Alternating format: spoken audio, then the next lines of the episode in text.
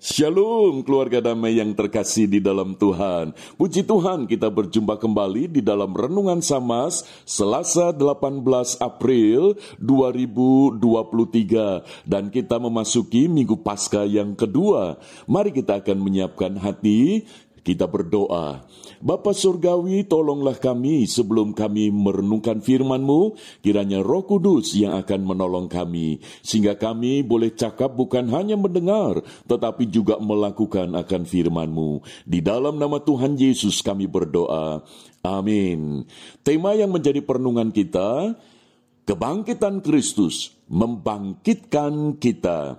Firman Tuhan terambil di dalam 1 Korintus 15 ayat 19 sampai 28. Namun menjadi dasar perenungan kita adalah ayat 20 dan 21. Demikian firman Tuhan.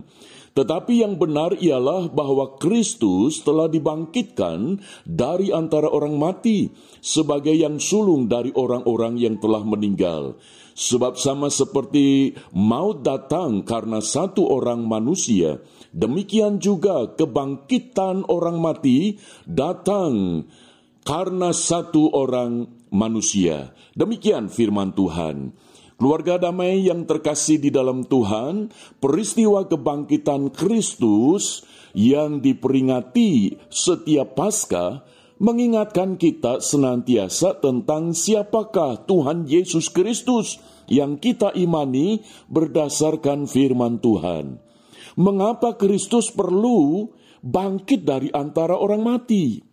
Paling tidak ada beberapa alasan. Yang pertama, untuk menggenapkan janji keselamatan yang diberikan oleh Allah bagi orang yang berdosa. Karena ketika manusia jatuh di dalam dosa, Allah telah merancangkan anugerah keselamatan melalui Mesias, yaitu Yesus Kristus. Maka itu ketika Kristus mati, adalah mati untuk dosa manusia. Maka itu Kristus tidak mati selamanya. Dia bangkit. Maka itu di dalam Injil Yohanes pasal 11 ayat 25 dan 26 Yesus berfirman, Akulah kebangkitan dan hidup. Barang siapa yang percaya kepadaku, ia tidak akan mati. Dan barang siapa yang mati di dalam iman kepada Kristus yang bangkit itu, dia akan hidup. Keluarga damai, Ketika Yesus mengucapkan firman akulah kebangkitan dan hidup, itu diucapkan pada saat Yesus akan membangkitkan Lazarus. Dengan kata lain, Yesus masih hidup, belum mengalami kematian, karena dia belum disalibkan. Dan setelah Yesus disalibkan, lalu dia mati dan Yesus bangkit, maka janji keselamatan melalui kebangkit kebangkitan Kristus itu digenapkan. Keluarga damai, mengapa Kristus perlu bangkit? Supaya melalui kebangkitan Kristus, Kristus pun juga membangkitkan kita. Alasan yang kedua, untuk memberikan jaminan hidup yang kekal bagi setiap orang yang percaya. Maka itu ketika di dalam Injil Yohanes pasal 3 16 dikatakan, bahwa karena begitu besar kasih Allah akan dunia ini, sehingga ia telah mengaruniakan anaknya yang tunggal, yaitu Yesus Kristus, supaya barang siapa yang percaya kepadanya tidak binasa, melainkan beroleh hidup yang kekal. Jadi ketika Kristus bangkit untuk menegaskan bahwa dia adalah Allah yang hidup, Lalu di dalam Injil Yohanes pasal 14 ayat yang ke-6 Yesus berfirman, Akulah jalan dan kebenaran dan hidup. Hidup di sini menegaskan tentang hidup yang kekal. Maka itu Kristus ketika bangkit, dia hidup selama-lamanya. Dan di dalam Injil Yohanes pasal 5 ayat yang ke-24, firman Tuhan katakan, sudah pindah dari dalam maut ke dalam hidup. Jadi ketika Kristus bangkit, dia membangkitkan kita supaya kita tidak binasa, kita tidak ditinggal di dalam alam maut, tetapi di dalam hidup yang kekal. Maka itu Rasul Paulus dengan jelas mengungkapkan akan hal ini sebagai satu dasar bahwa Kristus yang bangkit itu akan membangkitkan kita. Alasan yang ketiga untuk memberikan damai sejahtera, untuk memberikan keteduhan, untuk memberikan ketentraman, untuk memberikan ketenangan bagi setiap hati orang yang percaya. Maka itu ketika Kristus bangkit supaya kita sebagai orang yang hidup di dalam dunia ini sekalipun di dalam segala pergumulan beban berat, bahkan ancaman, bahkan kita ini mengalami satu kondisi tekanan yang begitu sulit, tetapi kita ini tidak kehilangan kedamaian dalam hati kita. Kita tidak kehilangan ketekunan, keteduhan, ketentraman, ketenangan bagi jiwa kita.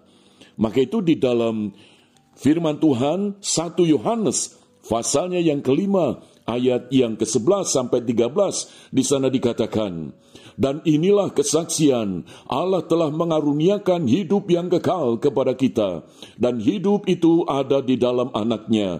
Barang siapa memiliki anak, ia memiliki hidup. Barang siapa tidak memiliki anak, ia tidak memiliki hidup. Semuanya itu kutuliskan kepada kamu, supaya kamu yang percaya kepada anak Allah, kamu tahu bahwa kamu memiliki hidup yang kekal. Jadi di dalam segala keadaan, keluarga damai kita adalah orang-orang yang telah memiliki hidup yang kekal. Alasan yang ketiga, alasan yang keempat adalah mengapa Kristus bangkit supaya kita ini memiliki satu jaminan bahwa satu waktu ketika hari kebangkitan itu kita juga boleh dibangkitkan. Maka itu firman Tuhan katakan di dalam 1 Korintus 15 ayatnya yang ke 52 firman Tuhan di sana dikatakan dalam sekejap mata pada waktu bunyi nafiri yang terakhir sebab nafiri akan berbunyi dan orang-orang mati akan dibangkitkan dalam keadaan yang tidak dapat binasa dan kita semua akan diubahkan dan di dalam surat Kolose pasal yang kedua ayat yang ke-12 firman Tuhan menegaskan demikian. Karena dengan dia kamu dikuburkan dalam baptisan dan di dalam dia kamu turut dibangkitkan juga oleh kepercayaanmu kepada kerja kuasa Allah yang telah membangkitkan dia yaitu Yesus Kristus dari antara orang mati. Jadi kebangkitan Kristus akan membangkitkan kita. Ini memberikan sebuah jaminan supaya iman kita tidak goyah. Melainkan tetap teguh berdiri menjadi saksi Kristus. Mari kita berdoa. Bapa Surgawi terima kasih untuk firman-Mu. Kiranya roh kudus menolong setiap kami untuk kami melakukan dan mengalami kebangkitan Kristus yang membangkitkan hidup kami. Terima kasih Bapa dalam nama Tuhan Yesus kami berdoa. Amin. Keluarga damai, Tuhan Yesus memberkati.